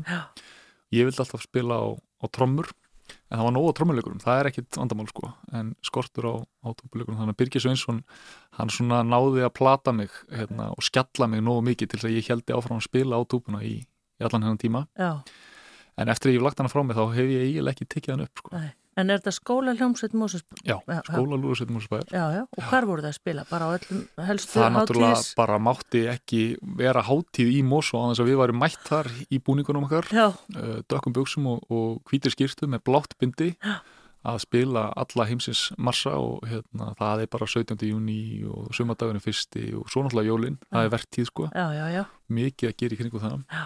Og Birgir náttúrulega var algjör hérna, prímusmótor í því að byggja upp bara svona lúðsveitastarf á landinu. Já, og hérna nú er þetta eiginlega í flestum sveitafélum og allstaðar mjög svona heilnæmur og fallegu félagskapur skilur, því ég kynntist þessu líka allir í stikkisum þar sem ég fekk aðeins að spila á túpu með lúðsveitinni þar. Og hérna svo var ég í lúðrasveit æskunar, úrvalsveit æskunar þar sem að maður kynntist fólki allstaðar að og þetta er svona, þetta er svolítið eins og skátarnir Já, þetta, er svona, þetta eru virkilega eh, heilnæmir og flotti krakkar já. Og svo náttúrulega sér maður eins og lúrasveit verkalýsins, það er bara fólk búið að vera í sko tugi ára, Já, akkurat, sama fólki. þetta nefnilega er bara fólk festist í þessu, Já, þetta er lífstíl. þetta er það nefnilega. En Bræði, hérna, þú uh, klárar hérna grunnskólan í Mosó og langaði í mentó, vildur hvernig var það? Já, sko ég, hérna fósturinn minn var í MR Já, og hérna og minn uppáhaldskennari í, í Gaggo var líka í MR og minn svona vina hópur var svolítið á leiðin í MR þannig ég einhvern veginn, þetta var eiginlega eina eini valmöguleikin fyrir Já, mig. já. og ég fer þangað. En hérna MR allavega var þannig fyrir mig að af því að ég hafði tölvert meiri áhuga á öðrum hlutum heldur en því að setjast niður og læra þá gekk námið ekkit sérstaklega vel. Nei, og hérna ég erfiðu skóli svolítið. Já, allavega var það fyrir mig. Ég Já. mjög erfitt með að, að multitaska eins og kallað er. Og hérna uh, það fór svolítið svona fyrir ofan garð og neðan. Uh, en eftir tvö ár flytið mig upp í Breiðholt. Og hérna það gekk ekkit mikið betur sko að læra. En ég hérna uh, tók mig til og er þar í, til dæmis, var í Morfís alveg á fullu og ég tek þátt í leikfélagin og er svona í ímsu öðru félagslegu starfi uh, en það er einhvern veginn svona auðveldar að týnast í fjölbjördaskólunum Já. í MR það er þetta í bekkakerfi það ertu með þinn bara bekk og þinn hóp en meðan í fjölbjördakerfinu þá er bara allir að hverfa inn í sína stúfur hingað og þangað og engi veit hvað átt að vera og það er einhvern veginn átti mjög vel við mig sko. Já, þannig að þú tókst hinn tíma í þetta. Já, bara herre gutt, Já. ég er sko til 2009, ég er 25 ára þegar ég loksins næ stúdent sko. Það er líka frábært, eins og sagt er. Já, algjörlega, ég náttúrulega tek mér uh, hlýja þannig inn á mitt lífi fyrr og er ár bara á sjó og ég er að vinna á leikskóla og fer að vinna á bar og maður er að gera ýmislegt sækja reynsluna víðar heldur en bara í skólastofunar. Já, en hvað með skrifin? Varstu byrjar að skrifa þarna? Sko ég, hérna, uh, mér er sagt sko þegar ég er uh, í pössun hjá langumminni í Stikksrumi, Já. ömmu dagburstum sem einmitt var húsfreyja út í Elliðei uh, þá fór hún strax að segja þegar ég tvekja þryggjára að ég væri skáld. Ég hugsaði að hafi verið að því ég hafi verið svo lígin sko. Já, Já, og það verist, ég hafi verið að hafa ert sko börni mín að því svolítið. Já, það gengur í ættir og, og ekki hérna, varst að ljúa ömmuðinni. ég veit þetta er náttúrulega hrikalegt að segja frá þessu en ég hugsa að ég hafi valla sagt stakt satt orð þarna á þessum tíma sko. En þannig að það festi svolítið við mig og ég fer að fykta við að raða saman uh, mínum svona batnagælum upp og nýtt þannig að þryggja fjögur ára. Og þetta einhvern veginn átt alltaf mjög vel um mig. Sex ára bekkar ég farin að skrifa sko sögur sem eru undir miklum áhrifum frá Ólund Kirkjegard. Uh, fer með þær í skólan og lætt kennara minn uh, lesa þær upp fyrir bekkin og þannig að þetta svona tókaði alltaf mjög mikið í mig ég hef alltaf lesið mikið á ljóðum, alltaf lesið tölvist mikið og hérna og mér fannst þetta einhvern veginn rökrétt næst að skrifa ég færi þá að, að skrifa og framlega líka sjálfur sko. já, en lesi mikið að ljóðum að því maður hugsa sko, þetta er aldrei óvanalegt. Það er veginn þeir sem lesa ljóð, þeir Mm. lesa mjög mikið að ljóðum og þekkja þann heim vel. Já. En svona almenningur er ekki droslega mikið að lesa ljóð. Nei, veistu, ég held að hérna, ég held að sé líka svolítið búið að gera ljóðlistina óaðgengilega ég held til dæmis að þær bækur sem eru gerðar börnum aðgengilegar í grunnskóla eru bara ekki skilur mig. við erum að lesa ljóðspor uh, samantektir eftir uh, menn og konur sem voru uppi fyrir kannski 80-150 árum og mér finnst ekkert skrítið að krakkarnir tengi ekki við þetta af því að ljóð þarf líka að vera leikur mig, og það þarf líka að vera tengi, tenging inn í nútíman fyrir þig Já, já, já. Og hérna uh, taktu ljóðið, brjóttuð upp gerði eitthvað nýtt úr því, skilur Já. settu það í hakkavel og, og sjáðu hvað kemur út skilur það, það má ekki líka vera heilagt skilur, þú þarf að snerta þú þarf að breytti og gert eitthvað annað úr því. Já. og hérna Þarfst ekki að fara að banka upp á hjá námsgagnastofnun? já, það er spurning hvort þú þurfi ekki að fara að taka saman nýjan, ný ljóðspor sem að væru bara hérna með nútímalegri og flottari, ekki flottari nútímalegri, skulum við segja skáldum. Já, uh, að því að þú veist, utanbóka pákoka lærdumur og ljóðum gefur held í börnum mjög lítið af því sem að ljóðin eiga að gefa okkur já, einmitt. að því þau eru ykkur svona óaþreifanlegur skrítin heimur þar sem eru ykkur tilfinningar á floti og enginn tekur sömu upplifun út úr því skilur mig þetta er ykkur upplifun sem að þú færði ekkit út úr mjög mörgum öðrum Nei. En hvernig byrjaði þú? Ég menna þú segir að veri líin sem batn og svona, en hver, akkur fórstu þá að lesa ljóð? Hvað, bara, uh, sko það er svolítið af svona, svona kvundags skáldum í kringum mig. Já, og pappi til dæmis hefur alltaf verið að, að leika sér að setja saman vísur mhm, bæði þær skellur og síðan að taka og breyta sagt, uh, gömlum uh, vinsælum sönglögum og setja nýja texta inn í það fyrir uh, ættamót eða hérna, uh, alls konar svona uppákomur. Þá er hann eðilega komið með eitthvað nýjan texta við eitthvað gammalt lag og hérna síðan er svona í, í minni bæð föðurætt og móðurætt fólk sem er að skrifa svolítið samhliða öðru. Mhm, því að það er einhvern veginn þykir mjög viðurkjönd sko. já, já, bændur sem eru líka svolítið að setja saman ferskellur já, þannig að það, þetta hefur alltaf verið svolítið svona aðgengilegt finnst mér að hérna, nálgast ljóðið í gegnum annað. Þannig ég var alltaf samhliða námi að leika mér að skrifa og fer strax í bara ferskelluna ég bara, heyrðu, þetta er eitthvað form sem ég þarf að ná góðum tökum á skilur, og síðan fær maður algjörst ógiða henni og þá fær maður að búa til sína eigin formerkingar, sína eigin braghætti til þess að elda skilur, Já. og hérna, Og þá verður þetta eitthvað svona leikur sem þú verður að fíblast í alveg eins og sumir fara að teikna myndir og vera ofbúslega flinkir í því skilur, þá er þetta bara leikurinn á orðinu smæstu einingunni skilur, sem að tungumálið okkar er í já, að hann verður eitthvað svolítið skemmtilegur já. töfrandi. Og þetta enda með því, Bræði Páll, að þú ferði í ritlist. Já, ég er unni sko þann 2009 þá e, sko partur af því hérna að ég er svona lengi að klára uh, framhaldsskóla og stúdent er að ég vissi ekkit af hverju ég ætti að gera það. Það var ekkit sem mér langaði til þess að myndi taka við, Já. skilur mig. Svo hérna uh, fara þeir Njörður Pinjarvík og Rúnar Helgi Vignesson í það að starta þessu reitlistarbatteri upp í háskóla. Og þá var loksins komið eitthvað sem mér fannst vera heillandi að hérna, fara í. Og Já. þá fer ég í það að klára stúdentinn Til þess að komast þangað. rumpa því af, já, til þess að komast inn í riðlistina, sko. Já, já, já.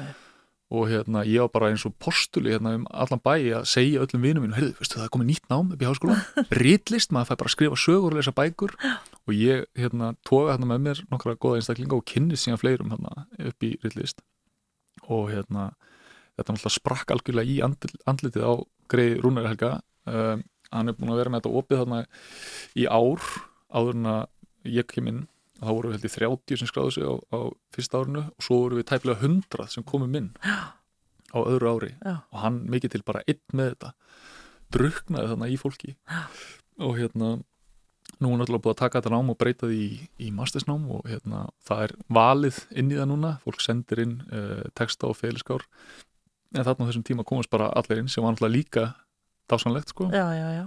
Og er fullt af reytöfundum samtímas sem að voru þarna með þér? Já, það eru nokkrir, Já. meðal annars sko Bergþóra Snæpistóttir, sambíliskonu mín Já, barsmóður þarna hittust þið. Já, þarna, eða, sko, við þekktumst aðeins fyrir en þarna svona varði eitthvað til hjá okkur Já, og hérna hún náttúrulega er núna sko bókstala að slá í gegn með, með nýju bókinu sína Svínsöð alveg, já, mér finnst þetta nafn, ég var að mynda að hugsa um daginn, svínshöfuð. mm, það er svolítið já. en grípandi. Já. Já. Þannig að þið eru, maður veit um hvað þið eru að tala. Þið eru kvöldverðarborðinu. Er það að fara með... já, við erum svolítið það er svolítið rætt um bókmyndir Já, og hérna óbúslu styrkur að vera með uh, svona mikinn fagmann með sér inn á heimilinu alltaf já, alltaf tilbúin að lesa, alltaf tilbúin að vera hreinskilin um það eh, sem þú ert að skrifa Já. og hérna og bara líka að besti vinnumann sé í sama fæi og þú sjálfur já, já. En Bræði Páll, er, þú veist, margir hefur nú kannski sagt, sko, og hvað, ætlar að fara í reitlist og þú lifir nú ekki því. Greifst þú þá, gastu þú, hérna, greipið alltaf til sjómennskunar eða... Já, uh, sko pappi hefur verið mjög uh, skilnisíkur og opinn með sinn faðum uh, og alltaf þegar hérna, tölurnar á heimabankunum voru orðnar mjög rauðar þá segir hann, jæja vinnur, vilt ekki koma einn eða tvo róðra með mér Já, og það hefur alltaf verið bæði sko, svo mikil hjartenging að fara á sjóin að því að bókmentir og skrif eru óbúslega mikið í á manni. Eh, bara eiginlega bara á aðeins í fingrunum sko. já, já, já. að geta síðan farið í slórið og blóðið og veltingin og gubbað svolítið skilur það er bara mjög holdt Er það enna því? ég hef alltaf sko, sérstaklega þegar ég er á línu og er að leggja línuna þá er lyktin sérstaklega af því sem að ég er beitt yfirleitt síld og einhvern veginn veldur alveg ofbóðslegri klíu hjá mér. Þannig ég legg uh, alla balana og svo kasta ég upp einu sinni Vá, hvað þetta er eitthvað. uh, þetta er dásanlega lífið Og það er að koma jól. já, þetta er jólalegt En er þetta, sagt, þú hefur verið á, sagt, hvað segir maður, mörgum tegundum af sjómennsku eða tekið þátt í? Já, sko uh, trillukallar eru svolítið, svolítið hérna, fjölhæf kvikindi Já. og hérna þeir bara útbúa sína báta eftir ástíðum og á sumrin þá eru menn mikið á skaki Sem þýðir hvað? þá ertu með nokkra rullur Mm uh, á, á annari hliðin á bátnum sem ég rauninni sjá um að dorga fyrir þig, getur við sagt, ég lýsi því svolítið þannig. Þetta er eins og að vera með veiðstöng nema hún er velræn og hún bara lætur krókin farinir á botn og hann fyrir upp og niður þannig að það er fiskur, býtur á. Já. þá er nemi á rúlunni sem að nemur það að sé komið fiskur, hann kemur upp þú tekur fiskin af og rúlan fyrir aftur niður. Já, já, svo hefur við verið á, á grásleipu, það er líka svona sumarsport. Já, og svo kom náttúrulega makrýlin hérna 2011, 10-11 já, hvernig er hann veitur? Já, hann er ímest veittur í net, veittur í net. Eða þessar sömu skakurlur og ég er að lýsa eru útbúna með sérstakum keplum, ég veit ekki hversu áhugavert útvarpið er. Útbúna með sérstakum keplum þar sem eru ofbúðslega langir slóðar. Þar sem getur ímdaður sérst með sérst veiðstöng sem er með 40 krókum á. Já, og þeir fara niður og koma svo upp í, fara í gegnum slítara þar sem fiskurinn er slitin af fyrir gegnum rennu beint og hann í Já. Þetta er náttúrulega eitt af því sem að bjargaði gjaldir í saga Íslands eftir því svo kallega hrun, já, já, það var makrillin sem að já, koma hérna einmitt, þá, færandi hendi já, og er ekki vant líkt á honum líka eða hvað? ekki eins vondlikt og að Síldinni. beitni- beitningunni Nei, nei, nei, nei. og bjóðunum það er, En er, er svona eins og túra sem við verðum að fara í þetta, er þetta þá bara farið út á mótni og heima kvöldi eða hvað? já, yfirleitt sko Mm. uh, menn eru kannski að vakna fjögur, þrjú fjögur og hérna fara út og, og, og þá leggja balana eða byrja að skaka eða, eða byrja að draga nettin og eru síðan að koma heim bara á kvöldin. Og stundum náttúrulega lítur þetta að vera dásanlegt í stillum og fallegu veðri og, já, en kannski jafn umlegt er að það er já, ekki gott veður. já menn náttúrulega reyna að stíla svolítið inn á uh, að vera í góðu veri og sumrin eru yfirleitt þannig í sjómennskuna þau eru hérna, mjög töfrandi sko. Já. þú ert í góðu veðri og sérstaklega að það er gott fiskir í. Já, og eða góður mórallum borð sem er nú yfirleitt með pappa sko já, það þýr ekki að vera að rífast tveir nei, þarna. nei, nei, það þýðir ekki sko bara hafa nóg af kleinum með og þá er allir í góðu skapi Já, en er eitthvað til og með sett að lusta á útvarp er, er, algjörlega, það Já. náttúrulega er og þú þarf svolítið að velja þér sko hérna mið eftir Já. því hvaða útvarfstöð þú vilt hlusta á því að næst náttúrulega allt allstaðar sko Nei. og hérna þá náttúrulega var líka algjört sko breykþrú þegar að, það fóru að koma geisladiskar um borð Já. í bátana Já. Og hérna maður gott farið sjálfur að velja hvað maður hlusta á. Og var pappiðin alltaf sáttu við það? Já, við þurftum svolítið að, að hérna, semja áður við lögum á stað Já. hvað er þið hlusta á, að mikið hlusta á Lennon og Bílana, það er svona hans fólk sko. Já, og hérna maður bara hlustaði með, ég fekk minna að taka þungarokkið Já. með í þetta sko. Bræði Páll Sigurðarsson er gestur minn, við ætlum að fá nokkra ölsingar og svo ætlum við aðeins að halda áfram að heyra meðal hans af, af nýju bókinans Östur. Bræði Páll Sigurðarsson, eh, við vorum komin að því að sjómennskan hefur alltaf verið svona, já, hvað ég að segja, þú er alltaf svona brugðið þér svolítið í það. -hmm. Þú er líka starfa sem blaðmaður Jú, ég er svona, hérna og pislahöndur. já, ég er henni slýsast svona inn í það sko Já, uh, ég fór að uh, skrifa pisla á kjarnan 2014 stutt eftir að þeir eru settir á koppin Já.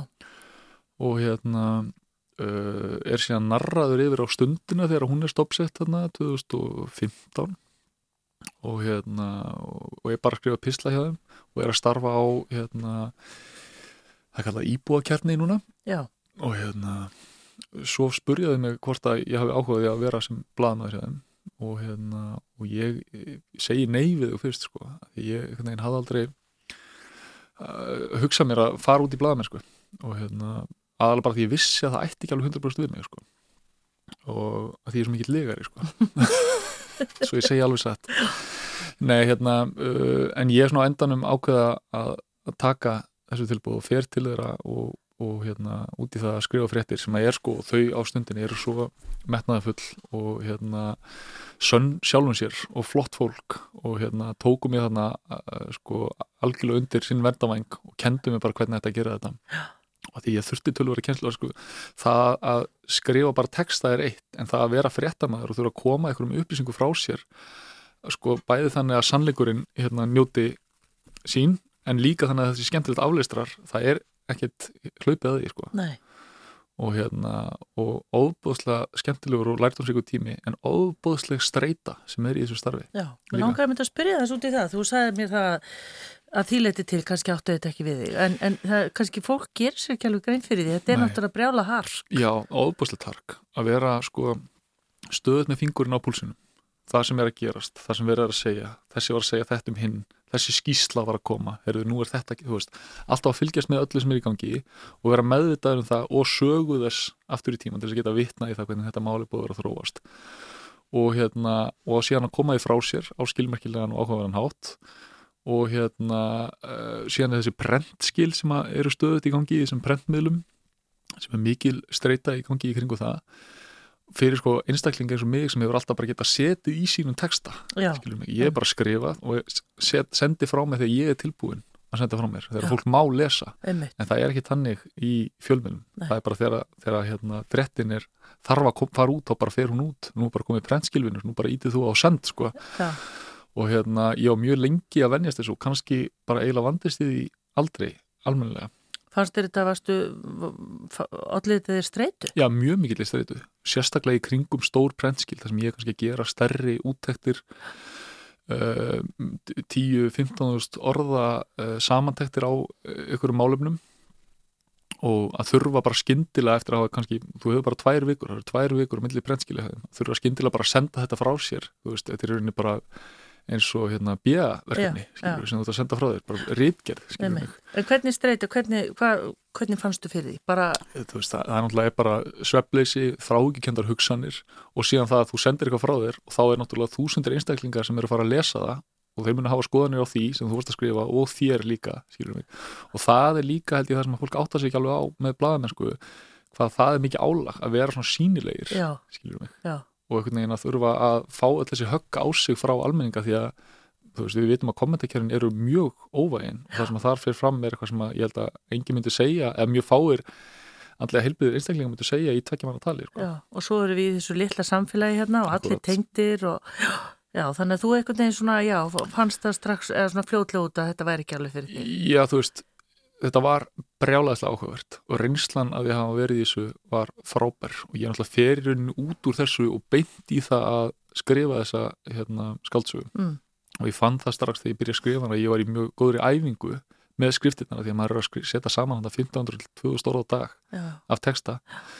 Og þetta er bara eins og með hvert annað hljófarið að hverja aðra yðn eftir því sem þú gerir meira þessu þeim betri verðuru en sko ég sakna streitunar ekki í eina mínútur sko. Nei, og hérna, ég get eiginlega ekki hugsað mér nokkuð mann að fara aftur í allavega ekki þess konar uh, fjölmiðlun eins og, eins og var í gangi þarna. En á sama tíma sko hefur þetta aukið svo mikið virðingu mína fyrir fjölmiðlastarfinu og því sko mikla fagfólki sem þar starfar og þetta álag sem þau eru undir. Já, einmitt. Já, það er náttúrulega, og ástæð núna blaðamenn eru búin að vera að reyna að berjast fyrir sínum kjörum og og, ég bara skil það mjög vel. Já, einmitt. Af því að þessi litli miðlar og hérna líka eru bara að berjast í bökkunum. Já, við það að framlega þetta frábæra efni skilur fyrir fólk, af því við tökum upp blöðin við kveikjum á útvarsminu, áttum ykkur ekki á því alltaf sko, hversu mikil vinna er hann að bakvið Nei, einmitt.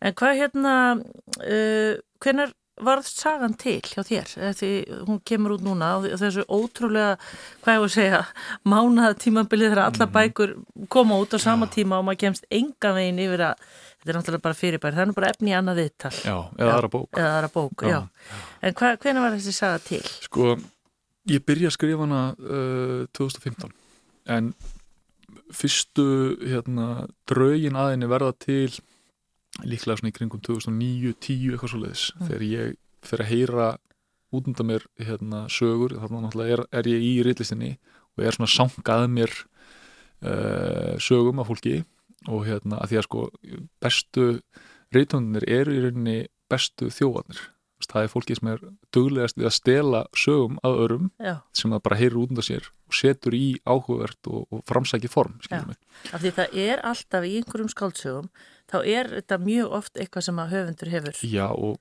sko bestu skáldsögurnar eru þær sem eru með annan fótinn í raunveruleikanum og hinn í skáldskap Já, að þá er ykkur til að standa á já, og hérna uh, ég var og hef alltaf verið að umgáðast mjög mikið ykkur luta vegna af mjög undarlegu fólki sem er að lifa mjög ekki, þetta er kannski full sko hlaðið sérstökum einstaklingum hérna, sem er að lifa óhefbundum lífstíl. Og mikið af þeirra upplifunum enduðu í þessari bók.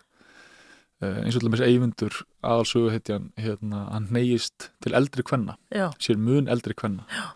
Og hann heldur í rauninni að hann sé sko það sem kallað er ókynneður lengi framan á æfinni, hann kemur í ljós og hann áttar svo því að hann er bara búin að vera að horfa á ranga kynsluð og hérna og fer að, fara á stefnum út með sér mun eldri konum sko.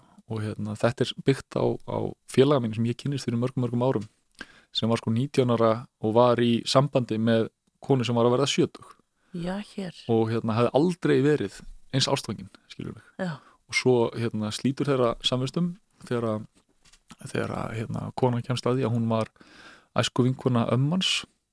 Og henni fannst það svo óþægilegt sko, þannig að hún slítur þeirra, þeirra hérna, sambandi og hann er í óbúsleiri ástasorg kemur til okkar uh, vinna sinna.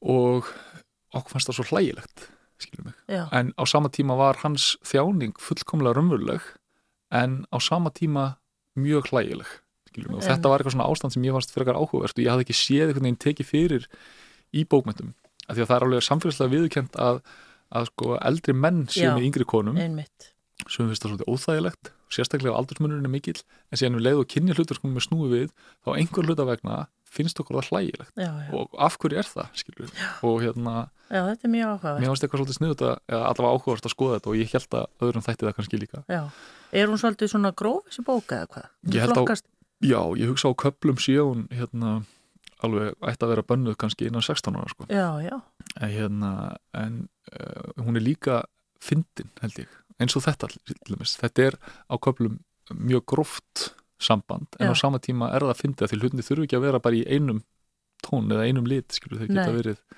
í fleiri tónum já, en af hverju heitur hún Austur?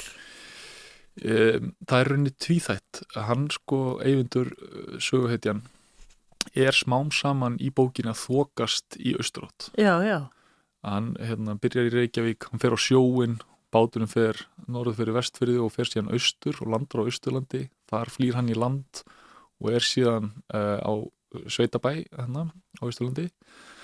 Uh, en sko austur er líka þetta að þú ert um borð í bát og hann er að taka inn vatn, hann er að sökva og þú ert að ausa en vatnið er að koma hraðar inn í bátin heldur en þú ert færum að auðsa út úr hún þetta er alltaf heyru við til í orðum eins og fjáraustur. Já, já, já. sem verða að dæla peningum í ykkur að hít.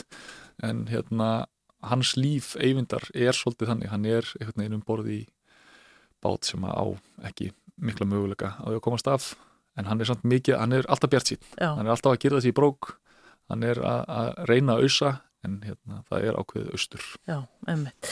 Bræði Pál, þú ert tveggja barnafaðir og þið, konaðin reytöfundur. mm -hmm. Hver, hvernig er þetta í dag? Þú ert búin að festa að kaupa skútu, allar að reyna að dríja tekjuna með því, að Jú, fara jú. með ferðamenn. Já, En sérðu fyrir þér að uh, geta lifað af sem reytöfundur á Íslandi? sko, þetta er náttúrulega hark Já. ofbáðslegt hark og sérstaklega hérna, fyrir uh, fólk sem er að byrja sinn feril uh, ef ég hefði getað valið sjálfur þá hefði ég viljað skrifa ljóð bara fyrir lífstíð skilur mig, en það held ég lifir engin á því nema, nema Sigurður Pálsson heitin Já, emmitt. uh, ég ætla alltaf að gefa þessu góðan sjans skilur mig, ég held að við höfum alveg eitthvað að segja og ég held að, fólk tengi við það sem ég er að skrifa Já. og, hérna, og ef ekki þá bara fer maður á sjóin Já, já. það er ekkit, er hundraði hettunni Nei. Hvenar áttu til dæmis vona á því að fara fyrstu ferðina í skútunni með ferðamenn? það er bara vonandi næsta sumar. Ég sko, Hérðan frá Reykjavík? já, eða hafna fyrir því, ég er með bátinn þar núna. Já, uh, ég er að klára, sko, ég er með hérna, það sem kallaði pungapróf uh, núna sem gerir það verkum að ég, og skemmti bátaréttindi þannig ég má sigla bátnum, en ég má ekki sigla með ferðamenn gegn greiðslu. Nei, þannig að ég núna er búin að vera í stýrmannaskólanum samhliða öðru í fullu framhaldsskólanámi að hérna, auka við mig réttindi þar þannig ég megi, megi sigla með ferðamenn. Já, og það verður vonandi bara næsta sumar sem að það fyrir á fullt. Já. ég get farið að bjóða fólki upp á að sjá Ísland frá, frá öðru sjónarhóndi Hvað heitir skútan? hún heiti Valkyrja. Valkyrja. Já, Já, já. það var eitthvað svona bæði þjóðlegt en líka alþjóðlegt. Kemur úr sko, snorraætunni en jafnframt eitthvað sem að, sem að fólk annars staðar í heiminum skilur. Já, ömmit. Og svo eru bara jólin eftir tvo daga bræði Pál, þú er búin að hafa nafnavislu og Já. þið Já, og þannig að þú bara nú er, er núna undirbúningur það er náttúrulega svolítið stús að vera með tvö lítil börn. jú, það er ákveð fyrirtæki sko ég hérna, skal ekki ljúga öðru að þér Já, er þetta svona ó, ó, ó, ó, ó, ó jólatrið og allt þetta? Já, sko sérstaklega við eigum hérna, alveg dásamlega stelpu sem er fjögra og hálsárs að verða fimm ára núna í mars Hvað heitir hún? og hún heitir Úrsula alveg rétt, já. Og hérna hún er með mikla eh, aðtugunar þörf hún þarf að skoða hlutina frá öllum mögulegum sjónarhóttum og taka allt og sjá hvernig það hljómar og hvað gerist ef ég, ég bara sleppi í gólfið. Og hvernig berðast fóreldrar mínir við? Hún er líka svolítið að aðtuga það. Og núna með litla bróður hún þarf mikið að aðtuga hann frá öllum mögulegum hotnum og hérna og þetta er líka ákveðin náttúrulega streyta í kringu þetta. Að hérna, stýra því þannig að, að hún upplifir sér ekki í ykkur öðru sæti en jafnframt þannig að yngra barnið haldist á lífi af því að það er ekkit alltaf hérna, ekkit alltaf gefið sko, hún þarf mikið að prófa að knúsa hann í svast og mögulega hægt en hérna, við erum alveg frekar slög núna eftir eh, við erum hægt að lesa upp núna á bókunum okkar. Já. og það eru flesta jólagjafir komnar þangar sem þær eiga að fara og hérna, við fórum í morgun uh, á þjóðminnarsafnið og kíktum á, á gáttaþef Já, og hérna, og við erum bara svona núna að sigla þessu í höfnýrunni já, þetta bara. er allt saman að verða eins og þetta á að vera sko. já, og hérna, náttborðið verður náttúrulega þakki bókum, já, það verður góður staflið þar sko. það. Bræi Páll Jónsson, nei, Bræi Páll Sigurðarsson, mm -hmm. Sigurðar Jónssonar Sigurðar Jónssonar, já, sérðu, ég var hérna með þetta fyrir frá mig. Takk fyrir komuna og til hamingjum í nýju bókinu þeirna Mhm. og bara til hamingjum undir allt saman og við býðum spennt eftir að sjá þig rituundin á skútunni. já, takk fyrir að bjóða Takk fyrir komuna og gleðileg jól. takk,